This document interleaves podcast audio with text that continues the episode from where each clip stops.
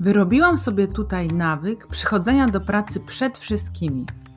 Mam wtedy czas na delektowanie się poranną kawą i pogawędkę z właścicielem kawiarni. Poza tym czuję satysfakcję, że już od godziny popycham moje sprawy do przodu, gdy połowa miasta jeszcze siedzi w korkach. Z emeryturą zrobię tak samo. Moi rówieśnicy będą jeszcze po 50 spłacać kredyty, a ja mam plan wynająć domek na Bali i popijać wodę z kokosa.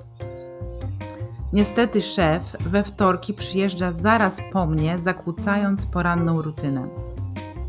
Musi mnie zawsze uraczyć jakimś wykładem, co to teraz się stanie w gospodarce i w polityce światowej po wydarzeniach dnia wczorajszego.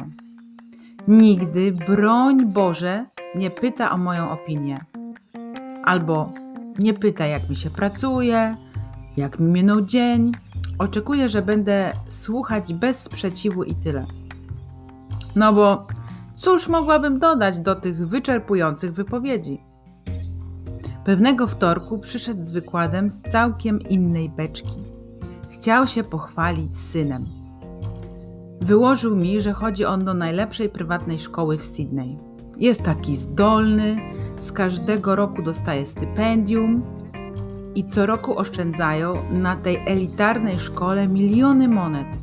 Jest taki bystry, że nie musi nawet, odrabia- nie musi nawet odrabiać lekcji, bo wszystko pamięta. Jak skończy tę szkołę, to będzie mógł pracować wszędzie.